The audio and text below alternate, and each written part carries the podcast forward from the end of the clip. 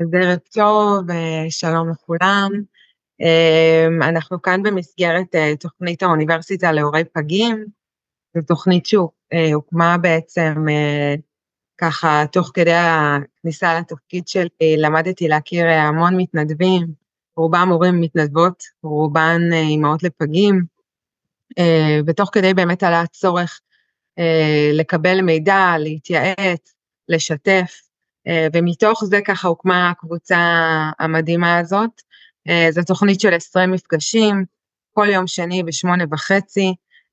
לאור ככה המצב אז היו תכנים שנדחו לאור המלחמה, ובאמת חזרנו לשגרה שלנו, לשגרה של ההרצאות לפחות בכל המצב הזה, מתוך מקום שבאמת קיים צורך, וכן אנחנו רוצים לתת את המענה הזה. אני כן אציין שהתוכנית הזאת uh, מוקלטת, ולצורך ככה למי שירצה בעתיד uh, לקבל את המידע. Uh, בסוף ההרצאה אנחנו שולחים דיבור עם, ההקלטה, וגם סקר ממש קצרצר, אז אני אשמח ש, שמי מכן שיכולה לענות על הסקר. זהו, אני אשמח שתתחילו, יש לנו פה את סמדר ואת עינת שיעבירו את ההרצאה היום. אז ערב טוב בנות. ערב טוב. עינת? אז נעים מאוד, קוראים לי עינת, אני יועצת הנקה, IBCLC ועובדת סוציאלית, וסמדר פה איתי, אחות ויועצת הנקה, אחות טיפת חלב. אנחנו ככה מאוד מאוד שמחות על ההרצאה הזאתי, שמיועדת uh, לנשים כבר בהיריון. אה, כי יש דברים שכשאנחנו יודעות בהיריון, אה, הכל יותר קל אחר כך. אה, במיוחד, במיוחד כשמדובר בנושא רגיש כמו הריון לפני הזמן. לא תמיד אנחנו יכולות לשלוט ולא תמיד אנחנו יכולות לדעת אם נלד בזמן או לא. יש כל מיני גורמי סיכון ותודה אה, לאלוהי הבריאות ובתי אה, החולים ש, שיש לנו את הזכות הזאתי.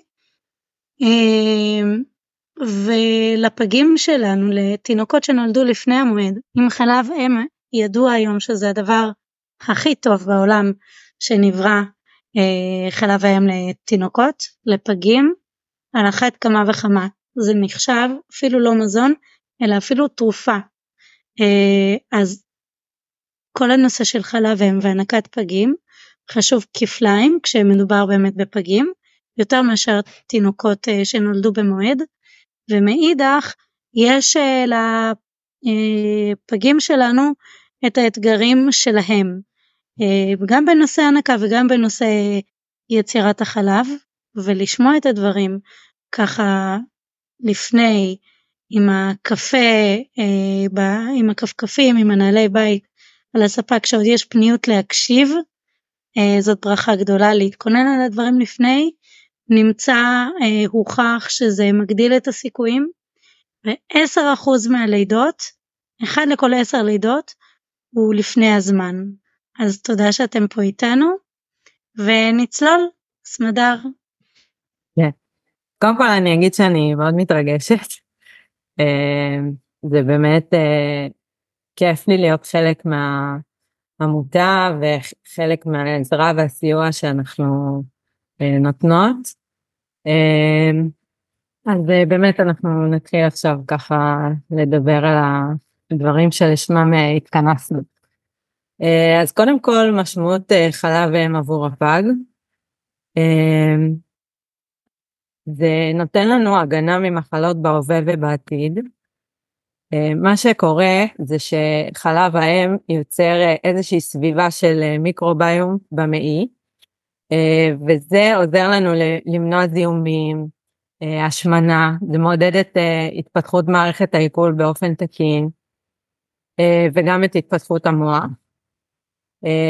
עוד דבר שזה עושה, זה מפחית בסופו של דבר גם בעתיד מחלות כרוניות, שכרגע אולי פחות רלוונטיות, אבל בהמשך החיים ברור שיהיו רלוונטיות, כמו השמנה, סכרת סוג אחד, קרון, אה, זה לכן אנחנו מאוד מאוד מעודדים אה, את ההנקה.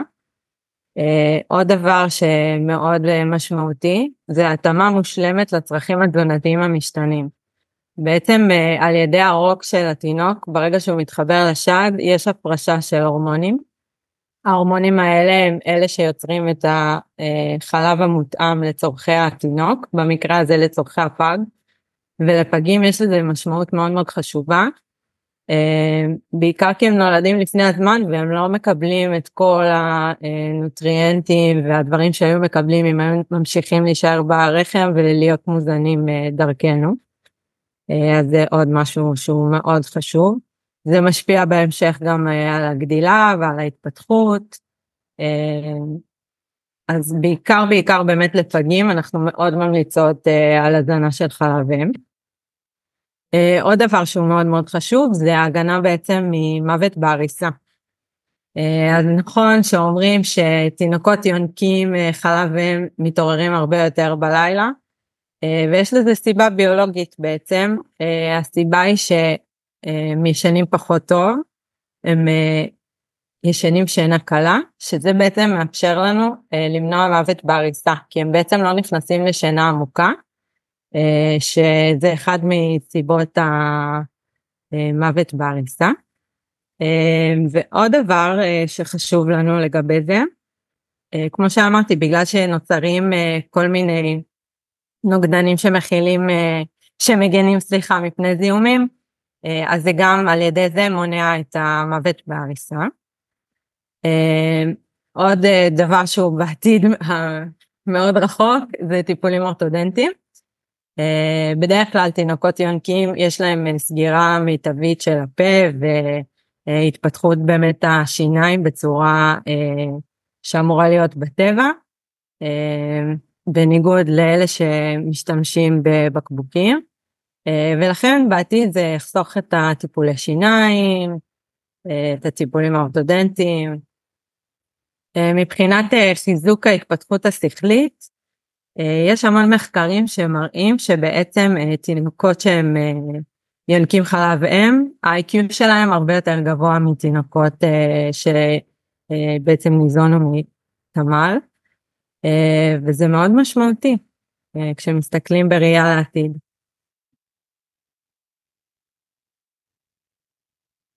אז אני רק רוצה שנייה סמדר להוסיף לכל מה שאמרת, שגם אה, בגלל שהיום סוף סוף מבינים את החשיבות של אה, חלב האם, יש אה, בנק, בבנק הדם נפתח בנק חלב אם, ואם עדיין, אם ברגע שאת יולדת ואת לאט לאט מצליחה, מתחילה לייצר חלב, לפעמים זה לוקח זמן. עד שיש לך את החלב אם שלך, את יכולה לבקש מבנק החלב, זה משהו חדש שיש היום אה, בבנק הדם, את יכולה לבקש חלב אם כתרומה אה, בצורה מפוקחת ומוסדרת אה, ובהמון פעמים את תוכלי לקבל את זה, אה, פשוט היום יש יותר אפשרות כזאת מפעם ושווה להכיר את האפשרות הזאת. נכון. אה, אז אה, נמשיך לדבר כי כמה שחלב זה דבר נהדר ומבורך, לפעמים זו דרך להגיע לשם. לפעמים זה לא כל כך מושלם וזה לוקח זמן. מה צריך לדעת? אה, מה יכול להיות מאתגר? רגע לפני שנדבר איך לפתור את האתגרים. מה יכול להיות מאתגר בדרך? עוד לפני שמדברים על החלב, על היווצרות החלב, צריך לדבר רגע על הלידה שלפני הזמן. ולא תמיד אנחנו יודעות את זה, וגם כשאנחנו יודעות, יש פה המון המון סימני שאלה. ואי הוודאות הזאתי אה, שיש אותה אה, אחרי לידה ולידה של פג זה משהו שאני רוצה שככה רגע לדבר את זה, אוקיי? להשמיע את הקול הזה. הסטרס שזה מייצר עשוי להיות, אוקיי? אה, אז זה משהו שעשוי גם לאתגר רגע את כל התהליך שחשוב ליצירת החלב. יש פה כל מיני קשיים. רגע לפני אני רוצה לדבר על הקושי, ש...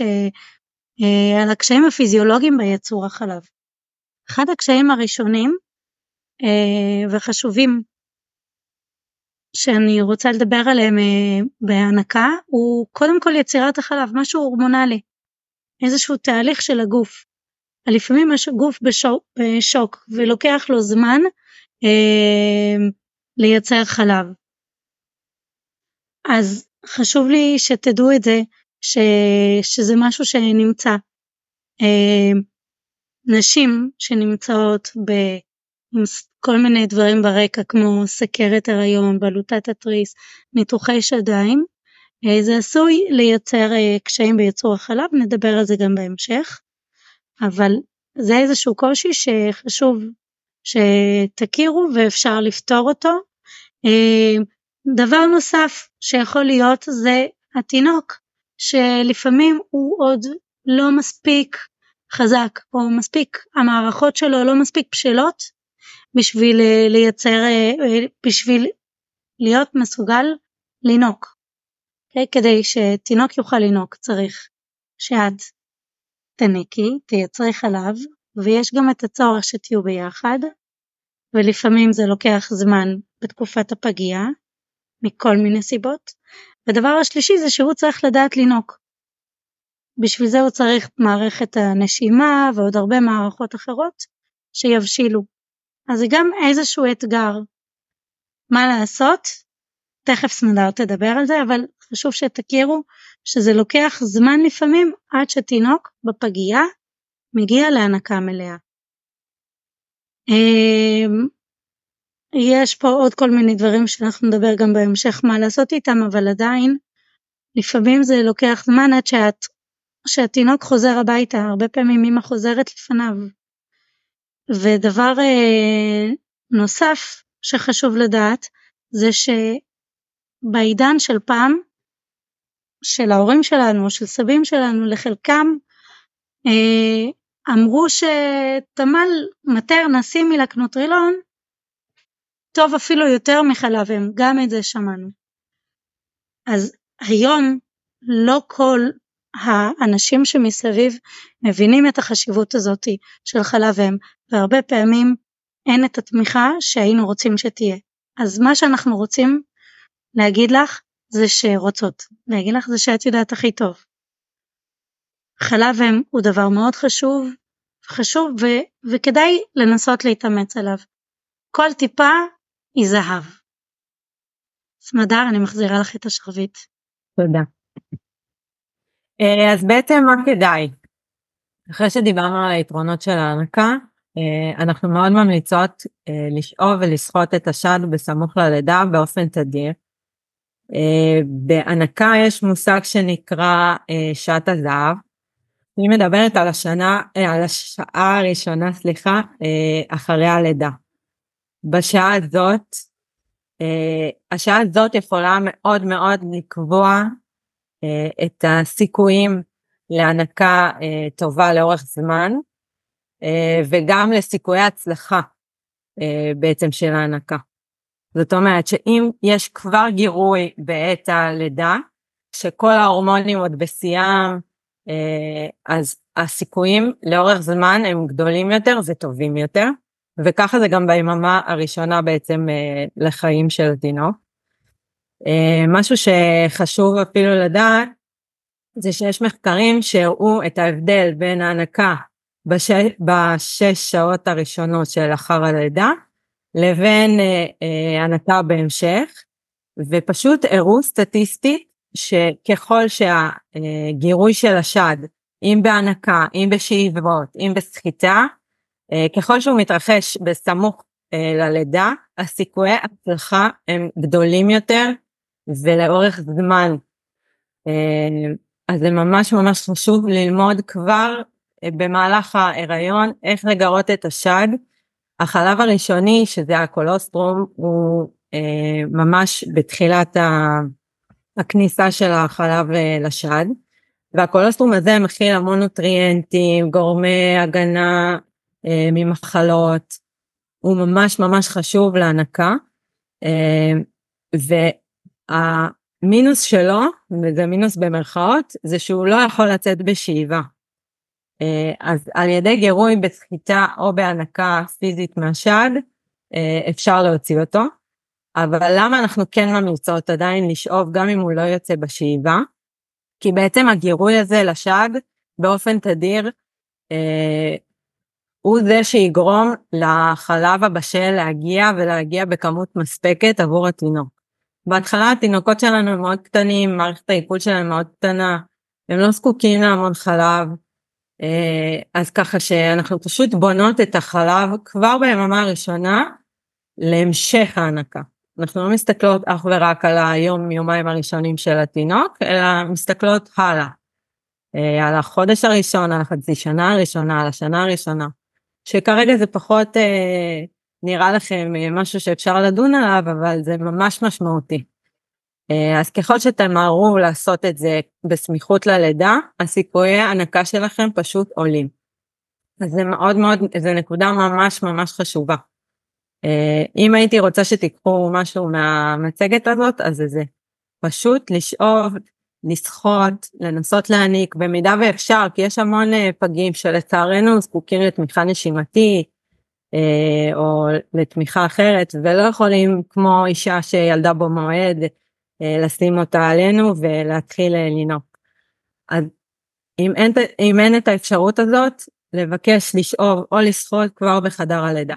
ככל שתמהרו לעשות את זה, תטיבו עם ההנקה שלכם ועם הסיכויים שלכם. Uh, עוד משהו שאנחנו ממליצות זה בעצם לשאוב ליד התינוק.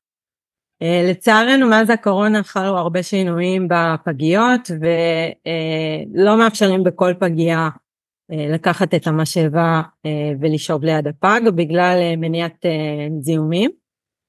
אבל במידה ואפשר והפגייה שלכם מאפשרת את זה, עדיף לשאוב תמיד בסמיכות לתינוק. מה שזה יוצר זה פשוט הורמונים. קודם כל ההיקשרות שלכם היא הרבה יותר טובה, ההורמונים מההיקשרות מופרשים, והם אלה שמועדדים בעצם את ייצור החלב. אה, לכן אנחנו מאוד מאוד ממליצות לעשות את זה בסמיכות לתינוק.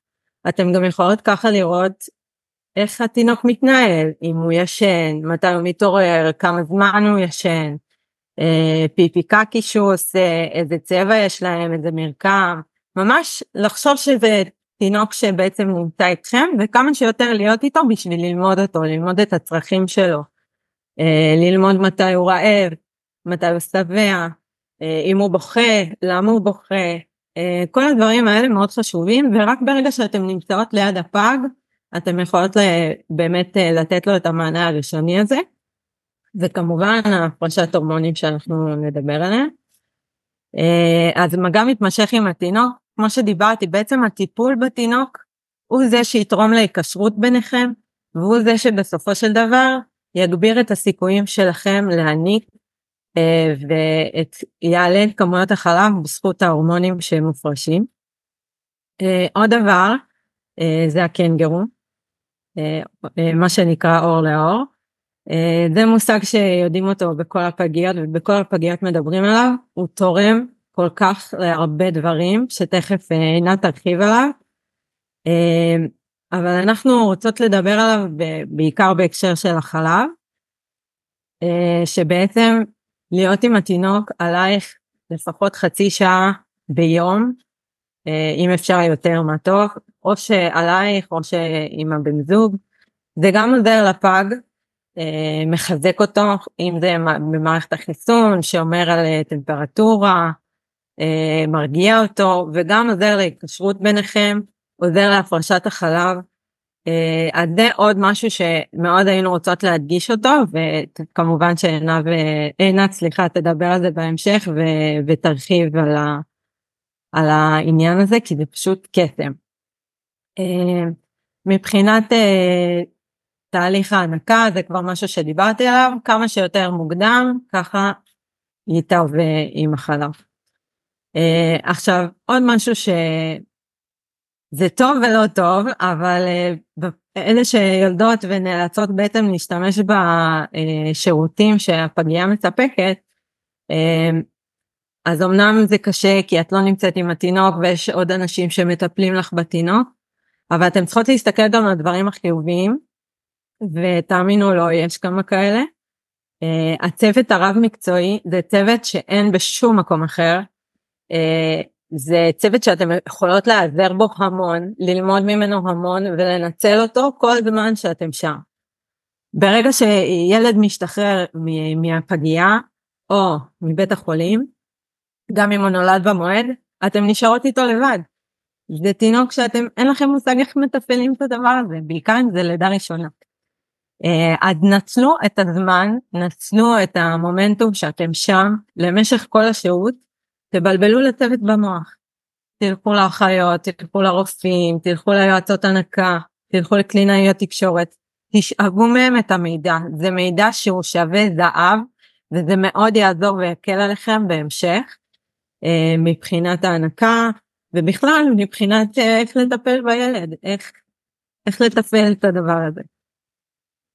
אה, וגם יש כמובן את עמותת להב שגם עליה אנחנו נדבר קצת בסוף. אה, עמותת להב זה עמותה שהיא באמת מדהימה. אה, אני נעזרתי בה גם בתור אה, אם לפגים. העמותה הזאת עוזרת לנו לדעת מה הזכויות שמגיעות לנו כי יש לנו זכויות שונות. ובכלל היא נותנת שירותים של תמיכה של יש קבוצות וואטסאפ נהדרות נכון. שם. אם זה, אם זה הקבוצה של ההנקה, אם זה קבוצה של הורים בפגיות, אה, זה ממש נותן תמיכה גם מצוות מקצועי וגם מהורים אחרים שנמצאים במצב שלכם או במצבים אה, דומים וזה ממש חשוב ממש ממש חשוב. אז אה, זה בחינם תעזרו בזה כמה שאפשר זה מאוד יעזור לכם גם כן בהמשך. אז כמו שאמרתי להיעזר גם ביועצת הנקה זה ממש ממש חשוב. היא שם איתכם, נצלו את זה, פשוט לשבת לה על, ה, על הראש, שהיא תבוא לעזור לכם, שהיא תבוא להסביר לכם, כשאתם uh, בימים הראשונים זה ממש ממש חשוב, כי אחר כך אתם בעצם uh, ממשיכים את המעבר הזה גם הביתה, uh, וזה מעבר שלעיתים הוא לא כל כך uh, פשוט לעשות אותו לבד, ולפעמים יש צורך גם ביועצת הנקה שתלווה אתכם uh, באופן פרטני. אבל... נכון. מה זה? מומלץ בחום מניסיון, כן. גם כמיועצת וגם כיועצת. נכון. אז אה, באמת תנצלו את זה, כל הזמן שיש לכם את היועצות הנקה בפגייה, נצלו אותם, תעזרו בהם. אבל הרבה פעמים קורה מצב שהתינוק משתחרר אה, ועדיין כמעט ולא היו ניסיונות הנקה בפגייה, אם זה בגלל אה, מצב רפואי שלו נתן לו את האופציה, או אם זה בגלל שבוע לידה, שעוד אה, לא כל כך אה, היה בשל. ואז מה שקורה אתן משתחררות אתן לא יודעות בכלל איך, איך להסתדר עם השאיבות עם ההנקה כן להעניק לא להעניק מתי אפשר להעביר אותו לשד מתי אי אפשר. אתם צריכים לזכור שפגים הם לא נולדים בשלים עם כל המערכות שלהם וזה תהליך שהוא הדרגתי הוא לוקח זמן צריך להיות סבלניים. אז גם להיעזר ביועצת הנקה פרטנית שתבוא ותבנה לכם תוכנית אישית שמותאמת אליכם, שתלמד את הבעיות שלכם, את האנטומיה של התינוק, של השד שלך, זה ממש ממש חשוב. אז זה גם לפעמים מאוד אה, פשוט יכול להציל הנקה. אה, אז לא להסס ולפנות, אם זה אצלנו בקבוצה של התמיכה של היועצות הנקה, ואם בכלל, ממש ממש חשוב לנצל את הדברים האלה. וגם, והכי חשוב אני חושבת, זה להקיף את עצמך במקורות תמיכה. אה, קודם כל את ראויה לזה. את ילדת אה, אה, הריון בסיכון זה לא דבר פשוט, זה יכול להיות גם חודשים של אשפוזים. אה, זה קושי שהוא ממש ממש אה, נפשי. אה, את מול הלא נודע, את לא יודעת בכלל איך לטפל בתינוק, ועל אחת כמה וכמה איך לטפל בתינוק שנולד אה, המועד. שלא כל המערכות שלו בשלות.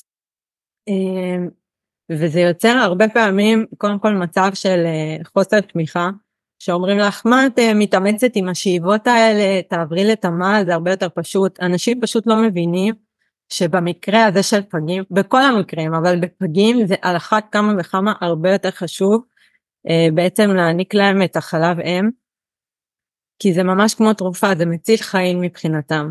זה מונע מחלות שמאוד מאוד קשה אחר כך לטפל בהם. ו, ועל כן אנחנו מאוד מאוד רוצות שתנסו, שתיתנו כמה שאתם יכולות. אפילו שזה קשה וזה כרוך במאמצים באמת, אם זה נפשיים ואם זה פיזיים, אבל זה ממש חשוב להצלת החיים שלו.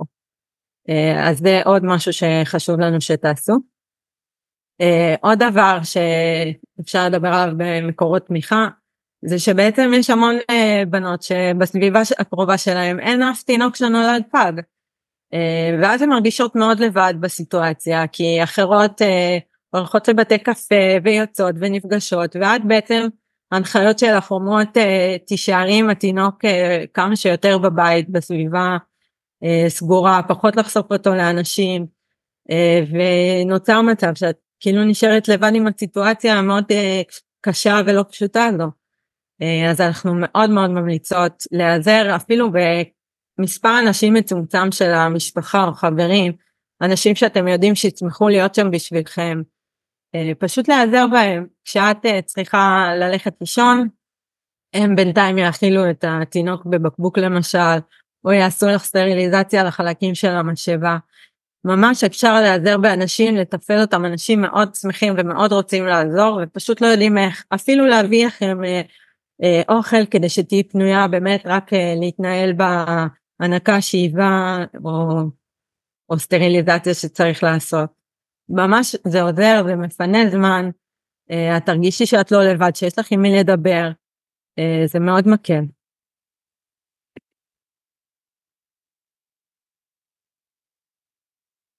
תודה סמדר, אז רגע, אז בוא תחזרי שנייה לתמונה עם כן. בקושי רואים פה את האמא, אבל איזה תמונה מהממת. מדהים. כשרק מלראות את התמונה הזאתי, וגם בתמונה הבאה, סמדר. כן, סליחה. מה בחתיך הזה עם התינוק היפיוף, כשהם מסתכלים אחד על השני בעיניים. זה מה שנקרא קנגרו. קנגרו זה אומר שלפה, לתוך החולצה הזאתי, יכולים להיכנס אפילו שתי תינוקות קטנים. וזה הדבר, עוד הרבה לפני סמדר ככה, תודה, דיברת על יתרונות ההנקה ויש אתגרים, אין מה לעשות. אה, לפני יתרונות ההנקה ולפני הנקה בכלל, הדבר הכי הכי שווה בעולם, הכי כיף לנו אימהות, אבל, ולעבוד, אבל קודם כל לפגים שלנו, לקטנים שלנו, הדבר הכי טוב לתינוק זה אור לאור, עם אמא או עם אבא. להיות פה בתוך החולצה על הגוף שלו זה הדבר הכי כיף, הכי בריא, גם לתינוק שנולד במועד. גם אם התינוק שלך נולד במועד, תפנקי אותו. עד מתי? עד גיל 18 לפחות. אבל כמה שיותר זמן יותר מבורך. לתינוקות פגים זה מציל חיים. כבר הפסיקו, היו מחקרים שעשו והפסיקו אותם באמצע המחקר, מרוב שפשוט כאילו זה היה, הלא לעשות את זה היה התעללות. אה, אז בואו נקרא ביחד מה זה עושה. לתינוק זה משלב ממש, זה משמש ממש שלב מעבר מהחיים ברחם לחיים מחוצה לו. זה מאזן סוכרים, זה מאזן חום גוף, זה ממש להשאיר אותו עוד קצת ברחם. אמ, חמצן, מזון, חיים, הגנה, עוד לפני המזון של החלב אם, או מה שזה לא יהיה, האור לאור מאפשר לו פחות לאבד אנרגיה. פחות להיות במצוקה, פחות להיות בסטרס. הוא מריח אותך, הוא מכיר את הריח שלך, הוא לא מכיר מה זה בגדים, הוא, הוא לא מכיר מה זה מיטה, הוא מכיר את ה... את יודעת שמסביב לפטמה שלך יש ריח של מי השפיר שלו. הוא מריח אותך, הוא מכיר אותך, את הדופק, את הנשימות, וגם אם זה מבוגר אחר, הוא מסנכרן את הנשימה ואת כל אה, ברחה לי המילה, אבל כל הסימני החיים, וזה ממש נמצא שזה הדבר הכי בריא שיש, זה האינקובטור הכי הכי הכי הכי משוכלל בעולם. אה, גם את הלחץ דם שלו, ובאמת כמו שרשום במצגת, זה משמש בסיס להיקשרות ראשונית בינך לבינו. זה משהו שכמה שאני וסמדר נתאמץ, לא נצליח להסביר לכם. זה פשוט קורה. יש את המוח החושב שאנחנו הולכות איתו לעבודה ויש את המוח הזה היותר אה, פרימיטיבי, האמיגדלה, שהוא של הרגשות ושל האינטואיציה, והוא זה שעובד. והוא משמש בסיס להיקשרות, ואחד הדברים שהכי עוזרים לו לתפקד זה אור לאור. אחרי הלידה, כשהתינוק יצא מהגוף שלך קצת לפני הזמן, לא חיכה בסבלנות יתרה, בוא נגיד את זה כך, להישאר באור לאור זה להישאר קצת ברחם. זה אפילו מוריד סטרס וכאב אצלו, אפילו את הכאב עד כדי כך. אה, וכמובן, אה, מעלה, חוץ מזה שהוא מפחיד בכי, מעלה את הסיכוי להנקה, כי הכל ממשיך להיות. הוא ליד השד, גם אם הוא לא יונק, גם אם לא כלום, זה עדיין מתאפשר לו להישאר בסביבה הזאת. עבורך, אותו דבר, הפרידה בין אימא לתינוק היא דבר אה, מורכב, וככל שאת איתו בפגייה והוא פה בפנים, אתם לא נפרדים, אתם נשארים ביחד. וזה, שוב פעם, אני מדברת על המוח הזה שאנחנו לא רגילות אליו ביומיום, המוח הקדום הזה, האמיגדלה, החרדה הזאתי שייכת לשם, אוקיי? זה לא משהו שאפשר להסבר במילים. ככל שהוא יותר עלייך באור לאור, מידת החרדה שלך יורדת. אמ, ומעבר לקשר שבעיניי זה הדבר הכי חשוב, יותר מ... אפילו יותר מהתרופה שזה יהיה חלב אם, הקשר ביניכם זה הדבר הכי חשוב וזה עושה, והאוקסיטוצין אה, עושה הרבה דברים, גם עוזר ליצירת החלב, וגם מכווץ את הרחם, מחזיר אותך לפני הלידה, מבריא אותך, אה, אז הוא מזרז את ההפרשה הזאת.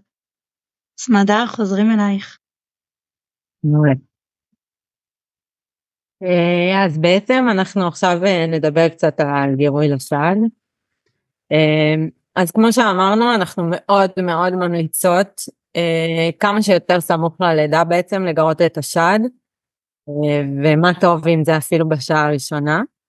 שוב, אל תהססו, יש לכם את הצוות של האחיות, תגידו שאתם מאוד מאוד רוצות ותתעקשו על זה שאתם מאוד רוצות אה, ללמוד איך לשחות לתינוק כבר אחרי הלידה.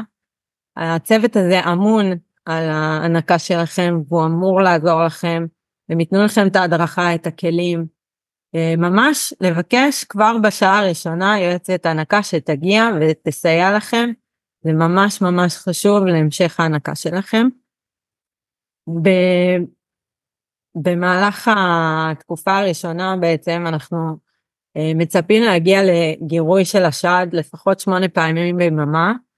Uh, כשאני מדברת על גירוי לשד אני לא בהכרח מדברת על הנקה כמובן, uh, עם פגים זה יהיה בעיקר שאיבות וסחיטות כי אנחנו לא נצפה שפג איכשהו נולד uh, יתחבר לשד, אם כן מה טוב זה מבורך, אז אפילו לנסות לחבר אותו, אבל שוב זה תלוי שבוע שהתינוק נולד, תלוי אנטומיה של התינוק, תלוי העזרה שאתם תקבלו בבתי החולים.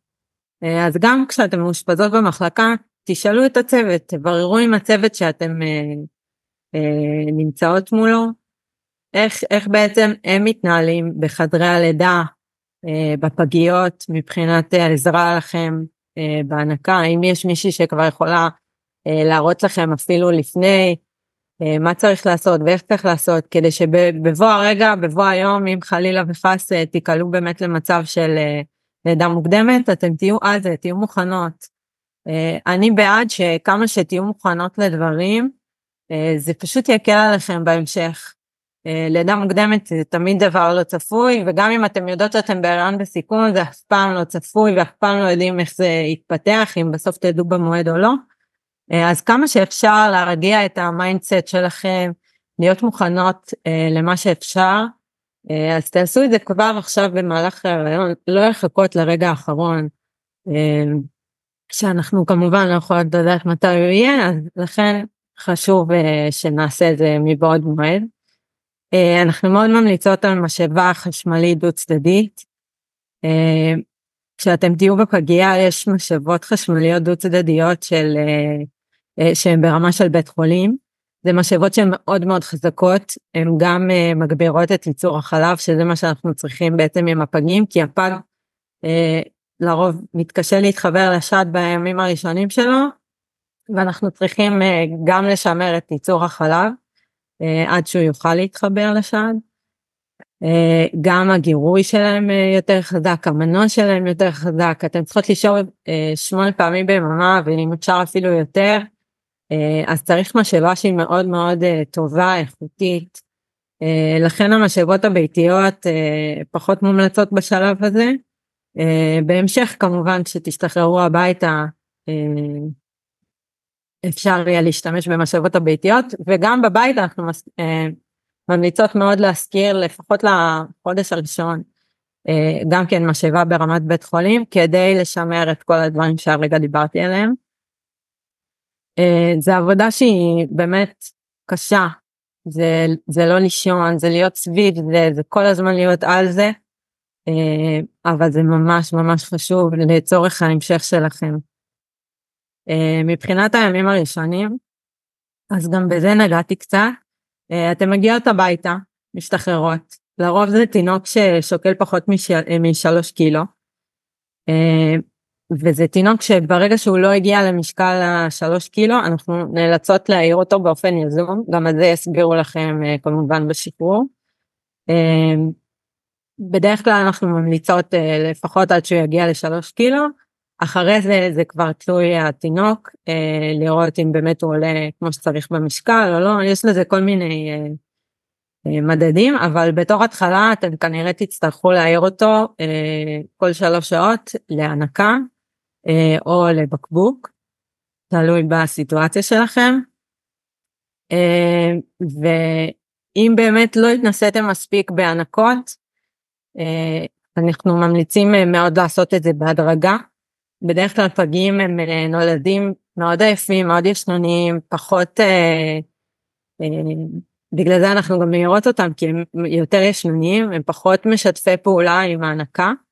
אה, ולכן אנחנו צריכות לדעת ולהבין אה, מתי התינוק יונק, מתי הוא סתם אה, על השד. כשאני אומרת סתם זה לא באמת סתם כי גם כשהוא סתם כביכול על השד הוא עדיין יוצר איזשהו גירוי ועדיין טיפה יונק וטיפה נרדם אבל אנחנו גם לא רוצות להעמיס עליו יותר מדי אנחנו לא רוצות לעייף אותו יותר מדי ולכן אנחנו בדרך כלל נגביל את זה בזמן חשוב לדעת שהוא באמת יונק כמו שצריך אה, או אוכל מספיק בשביל שלא נראה ירידה משמעותית במשקל. בגלל כל המורכבות הזאת אנחנו ממש ממליצות אה, לפנות גם ליועצת הנקה כשאתן משתחררות. אלא אם כן הכל הולך חלק והוא עולה תקין במשקל ואין שום בעיה והוא מתחבר יפה לשד והוא ערני. אז באמת זה, זה תלוי השלב שהוא נולד בו. אה, וההתנסות שלכן במהלך הפגייה, עד כמה הצלחתן אה, לגרות את השד, עד כמה הצלחתן אה, ללמוד איך לחבר אותו נכון לשד. אז זה מאוד מאוד חשוב לדעת שהוא לא סתם נרדם ולהגביל אותו מבחינת הזמן כמו שאמרתי. בהמשך, כשהוא מעל שלוש קילו אנחנו לא תמיד נעיר אותו, אם נראה שהעלייה במשקל היא מספקת אז אין צורך אה, להעיר אותו הם גם צריכים לישון כמובן זה גם חשוב. אה, וגם נצטרך מאוד לדעת לזהות את סימני רעב ושובע שזה בהתחלה פחות פחות חשוב לנו כי אנחנו בעצם עושות את זה תדיר כל שלוש שעות אבל אנחנו רוצות בהמשך שההנקה היא תהיה לפי דרישה ולא לפי שעון אה, ולכן חשוב לזהות את סימני הרעב והשובע של התינוק לדעת מתי הוא בוכה כי הוא כאוב או, או רעב. אה, עוד דבר כשאנחנו מגיעים למצב של בכי זה כבר מצב שמאוד קשה לנו לחבר את התינוק לשד אז אנחנו תמיד נעדיף לזהות את סימני הרעב עוד לפני שאנחנו בעצם מגיעות למצב של הבכי. אמ, זה גם כן אה, דברים חשובים. אה, ובהמשך גם ההכלות האלה אה, נהיה ביניהם פער, נהיה מרווחים קצת יותר גדולים. אז בהתחלה זה מאוד מרגיש כמו השתעבדות, עבודה מסביב לשעון, אבל חשוב לי לציין ולהדגיש את זה, שזה לא יהיה ככה לאורך כל תקופת ההנקה. ההאכלות בהתחלה הן מאוד ארוכות ומאוד קשות, אבל אחר כך כשהתינוק מתחזק ולומד לרוקן את השד הוא יכול גם לעשות את זה בדקות בודדות ואני בטוחה שעינת תוכל גם כן להעיד על זה. אז, אז חשוב לי לה, להגיד לכם שזה מצב שהוא זמני וזה לא נמשך ככה לאורך כל ההנקה. שלא תאבדו תקווה בגלל זה. כי בהתחלה באמת זה קשה, זה סזיפי, אף אחד לא יגיד אחרת, אבל אחר כך הפירות שאתם תקצרו מהסיטואציה הזאת זה priceless באמת. אה, מבחינת מגבירי חלב זה לא הדבר הראשון שאנחנו אה, זה לא הקו הראשון שלנו. אה, מגבירי חלב זה משהו שהוא שנוי במחלוקת יש כמובן את החילבה ומורינגה שהם יותר מוכרים לכם כנראה בטח תשמעו על זה גם. אה, אבל קודם כל לא כל אישה יכולה לקחת אותם, יש אה, נשים עם סכרת למשל, או בעיות של אה, תריסיות, שאנחנו לא ממליצים. אז גם לפני שלוקחים איזשהו מגביר חלב טבעי, צריך להתייעץ עם יועצת הנקה או עם המרכז הטרטולוגי ולהחליט בצורה מושכלת האם זה משהו שנחוץ או לא. אני מאמינה מאוד בפשוט גירוי מתמיד של השד, עדיף אפילו לגרות אותו במהלך היממה תשע או עשר פעמים, להוסיף עוד אה, חמש דקות פה שאיבה, חמש דקות שם שאיבה, זה אמור להגביר את החלב הרבה יותר מ... או הקנגרו, אה, גם כן יכול להגביר מאוד את אה, ייצור החלב, זה מגביר הרבה יותר מאשר כל מגבירי החלב האלה, אבל לשיקולכם כמובן. אה, על בחירת משאבה אני קצת אה, דיברתי קודם, אז כמו שאמרתי לימים הראשונים, החודש הראשון בטוח, אה, אחרי השחרור מהפגייה, מאוד מאוד חשוב לקחת משאבה שהיא מאוד מקצועית ברמת בית חולים, היתרונות שלה פירטתי כבר, זה ממש ממש חשוב בעיקר בעיקר לפגים שחייבים את השאיבות המתמידות האלה, שחייבים את הגירוי הזה, על מנת ליצור אה, מספיק חלב שכשהתינוק כן יוכל להתחבר לשד יהיה לנו כמות חלב נאותה בשביל לספק את הצרכים שלו. אה, מבחינת, מבחינת בחירת קונוס מתאים אז בעצם כמה שזה נשמע לא טריוויאלי הקונוס שמגיע הוא מגיע במידה סטנדרטית תלוי חברה מה, ש, מה שקורה זה שברגע שהקונוס שואב לא רק את הפטמה אלא גם את העטרה. רגע סמדר, ש... אני כן. אפשר רגע זה להסביר מה זה קונוס. אה, למש... למשאבה יש אה, למשאבה יש אה, משאבה שמעזרת לנו להוציא את החלב, עובדת עם מנוע בדרך כלל, יש ידני ועם מנוע, עדיף עם מנוע בשלב הראשון. היא מגיעה עם כזה כמו של מדונה אם מישהו עוד מכיר פה את מדונה מי שהיא מכירה אה, מתלבש כאילו על השד וזה מגיע עם צינור אוקיי אה, אפשר לראות את זה פה בתמונה שבתוך yeah. ה... מה שלא רואים מה שמתחת לחולצה זה מגיע הצינור הזה ששם הפטמה נכנסת בכל מיני גדלים. סליחה סמדר. הכל בסדר. אה, אז באמת טוב שעזרת לי בזה. אה, אז נכון, הקונוס הזה מגיע בכל מיני גדלים, בדרך כלל זה מגיע במידה סטנדרטית, אה, תלוי החברה, אה, והקוטר הזה מאוד מאוד משמעותי להצלחת השאיבות שלנו ולהוצאת החלב. ברגע שהוא שואב הרבה מהעטרה ולא רק את הפטמה ואולי מילימטר מכל כיוון שלה, מה שקורה זה שזה יוצר בצקת ולחץ על האזור של העטרה. וזה מונע את יציאת החלב. ברגע שהמשאבה מותאמת לך, אה, ואפשר בהחלט להיעזר גם ביועצות אה, בפגייה, אה, אז ברגע שהמשאבה באמת תהיה מותאמת לך, את תראי שהחלב יצא הרבה יותר בקלות. זה מונע את הבצקות שיכולות להיות שיגרמו לחוסר יציאת החלב ובהמשך זה גם אה, מאוד מתסכל לטפל בזה כי קודם כל צריך להפחית את הבצקת ורק אחר כך לשאוב והבצקת נוטה לחזור כי את אה, אה, לא תביני מאיפה היא בעצם אה, נוצרת או לא תדעי בכלל לזהות אותה. אז מאוד מאוד חשוב שכבר בבית החולים כשאת אה, רוכשת לך את הערכה שמתחברת למשאבה אה, ברמת הבית חולים, כבר אז ללכת ליועצת הנקה שתראה האם הקונוס הזה אה, מתאים לך, האם הפוטר מתאים לך, אה, ואז בהמשך את פשוט תשבי חלק בלי בעיה, זה מאוד מאוד יקל על השאיבות, יקל עלייך. בעצם אנחנו מצפים ש, אה, שהגירוי של השד לא יכאב. אז גם, גם העוצמה של המשאבה לא אמור להכאיב לך, כמו שההנקה לא אמורה להכאיב לך. ברגע שאנחנו רואות שיש איזשהו כאב, אנחנו יודעות שמשהו לא תקין. אז או שזה החצוצרה הזו שלא מתאימה לך בגודל, אה, אם זה הנקה אז אנחנו יודעים שהתינוק לא יתחבר כנראה כמו שצריך והוא נמצא רק על הפטמה, אז לא אמור להיות כאב בכל התהליך הזה. אם יש לך איזשהו כאב, לא משנה איזה, ממש ישר לפנות ליועצת הנקה. אם זה בפגייה ואם זה מחוצה לה, אה, אם זה להיעזר בנו בקבוצת אה, תמיכה שלנו, תרגישו חופשי באמת לפנות כי ברגע שאתם לא נותנות לזה מספיק תשומת לב ודגש ולא מטפלות בזה בו ברגע הדברים האלה מתפתחים ובדרך כלל הם מסתיימים לא כל כך טוב. אה, אז אנחנו מעדיפות למנוע את הדברים האלה ולא להגיע למצב של טיפול בהם.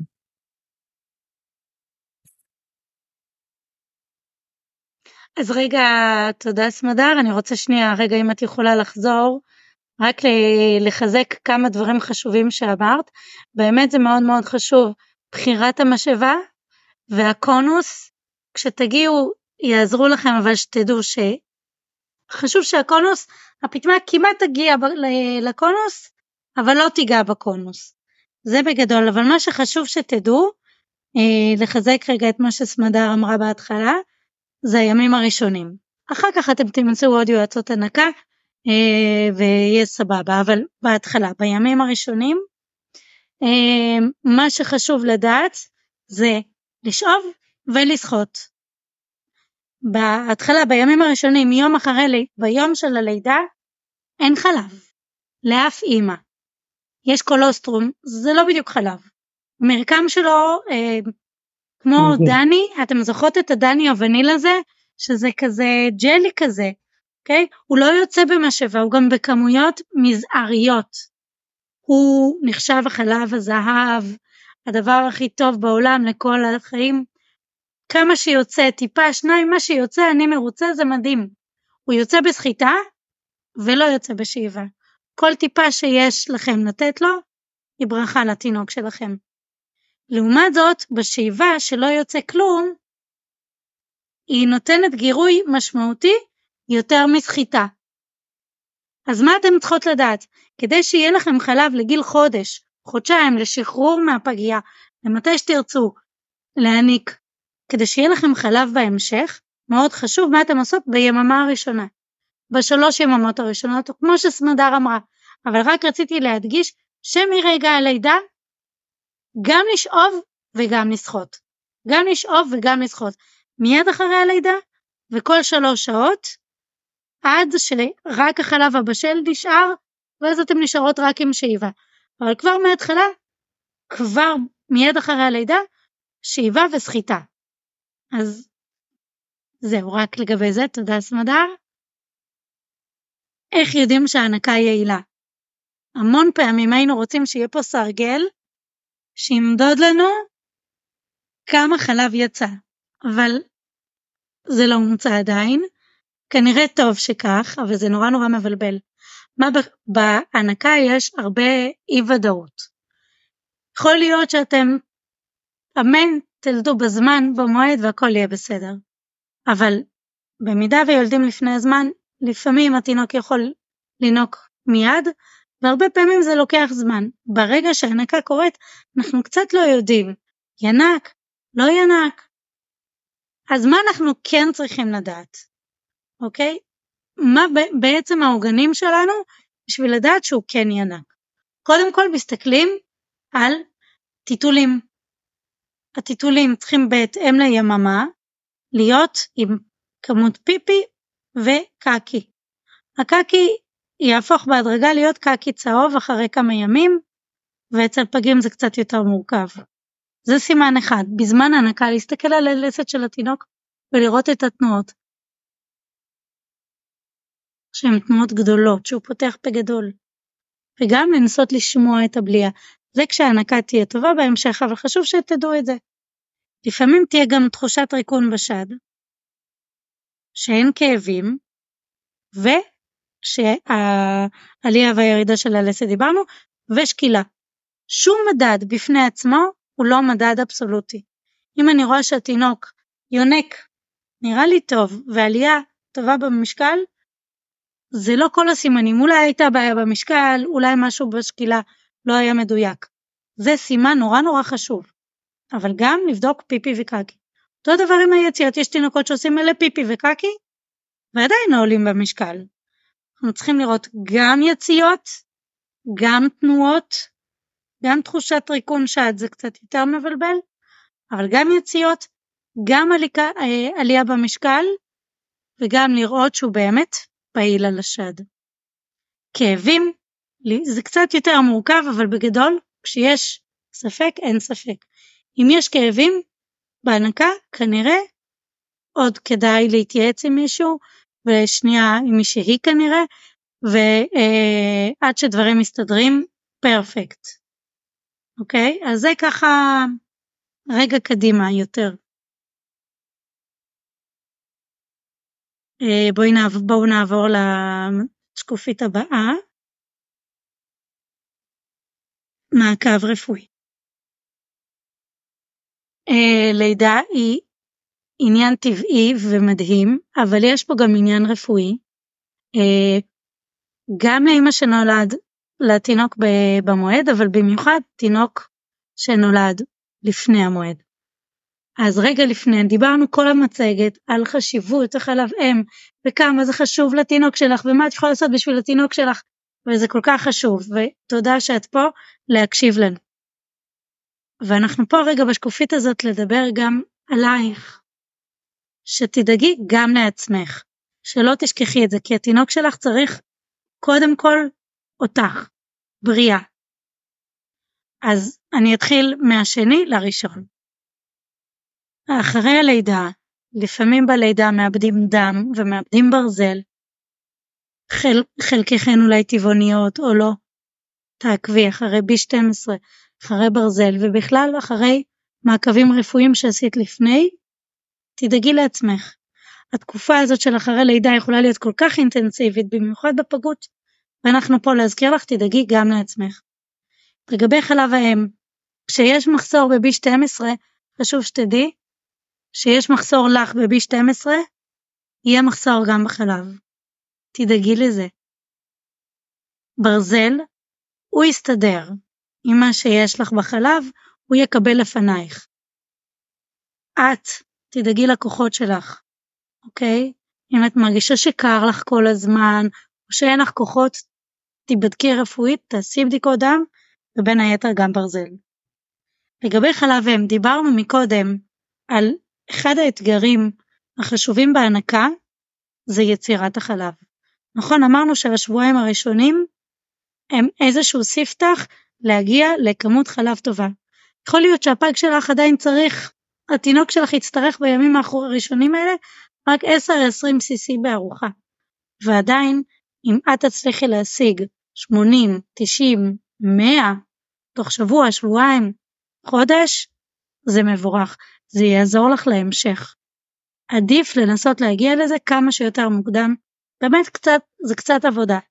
יש דברים שעשויים לעכב את זה. חשוב לנו שתדעי את זה. ניתוחי שד, אם עברת בעבר, אה, תפקודי בלוטת התריס, סכרת, אה, סיפור של שחלות פוליציסטיות, גם אובדן דם, אז מה עושים? מדברים עם יועצת הנקה, נפגשים עם מישהי כבר לפני, שזה יהיה בתודעה, כבר בימים הראשונים, אם אמרנו לכולם לשאוב ולשחות, אז גם לך, אוקיי? Okay? לנסות לעקוף את כל הקשיים כדי שבסוף תגידי למה הייתי צריכה לדעת את זה, הסתדרתי מצוין בזכות הידע הזה. מאוד מאוד חשוב שתדעי את זה. אבל דיוקים את מוזמנת לבדוק איתנו גם בפרטי וגם עם הרופא שלך או עם יועצת הנקה, אבל שתדעי שיש גורמים שעלולים להקשות על יצור חלב, ככל שתדעי את זה, ככל שתהיי על זה, תעקפי אותם.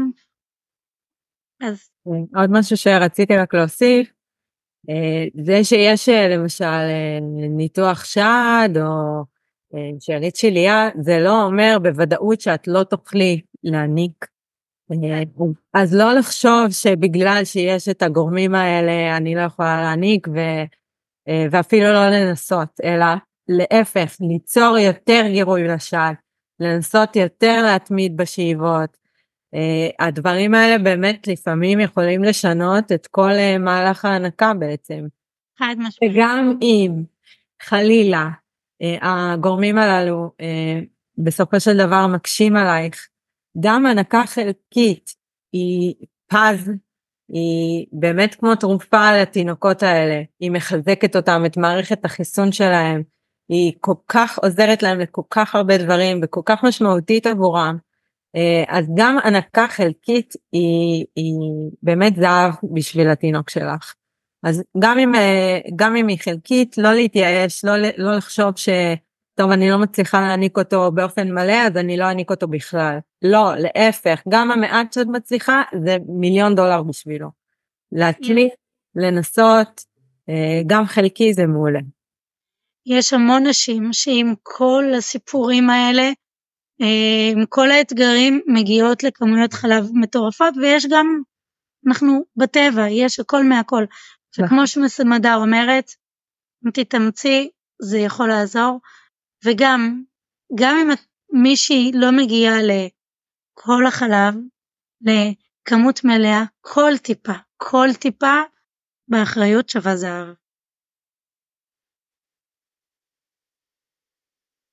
אה, אורית פה מוסיפה לנו סמדר, כן. את רוצה לדבר אורית? לא לא אני רק מוסיפה שבהתחלה דיברתם ככה על בנק החלב וכן מי שרוצה לדעת על זה יותר מוזמנת לפנות פה בלינק וכמובן לשאול גם אותנו יש לנו גם את הקו החם וגם את הקבוצות וואטסאפ וגם בפייסבוק אז וגם דרך הלינק כמובן הם יכולות לקבל את המידע על זה. זה מאוד חשוב כי בעצם לנשים שבאמת מתקשות לפחות בימים הראשונים עם ההנקה אה, הבנק חלב אה, מציע פשוט פתרון אה, זמני בעצם לפגים האלה ובאמת אם יש אפשרות לקבל את החלב אם הזה אז עדיף שהוא יקבל אותו מבנק החלב מאשר לא יודעת לתת תמ"ל במקרה הזה כי זה פשוט מציל חיים לפגים האלה וזה ממש משמעותי אז לא להתבאס גם אם את לא מגיעה לקמלת חלב אה, יש, אה, יש את הפתרונות הנוספים שאפשר אה, להיעזר בהם.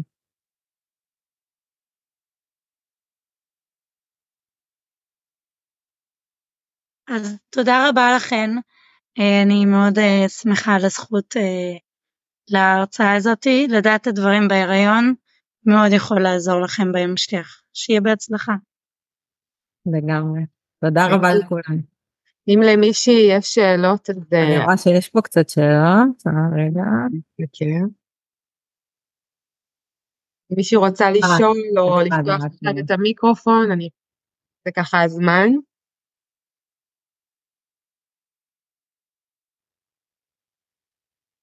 אז רגע. זרומי כותבת. אמ, רק חשוב לציין שהנוהל מכוון לפגים עד שבוע 32 אנחנו בבנק החלב, או מתחת לקילו וחצי או מקרים מיוחדים ויש פגיות שמאפשרות גם גשר מחוץ לקריטריונים אה, ממש למעט זמן. אז זה דברים שצריך להבין ולקחת בחשבון. נכון. אמ, אני כן אגיד לכם ככה תודה רבה. אה, יש משהו בהתחלה ששכחתי לציין שבאמת אה, מי שמעביר את ההרצאות בכל בכל, ברוב התוכנית הזאת זה באמת מתנדבות מקצועיות שהן באות משני הכובעים, גם אימהות לפגים וגם באים, באות עם רקע מקצועי, וזה כל כך חשוב, זה באמת נכס עצום עבורנו, עבור העמותה, שאתם באות גם העולם הזה וגם עם הרקע שלכם ויכולות להתנות ולהעביר את הידע הזה. Um, אז, אז המון תודה סמדר והמון תודה תודה. תודה. טוב. ביי להתראות. תודה רבה.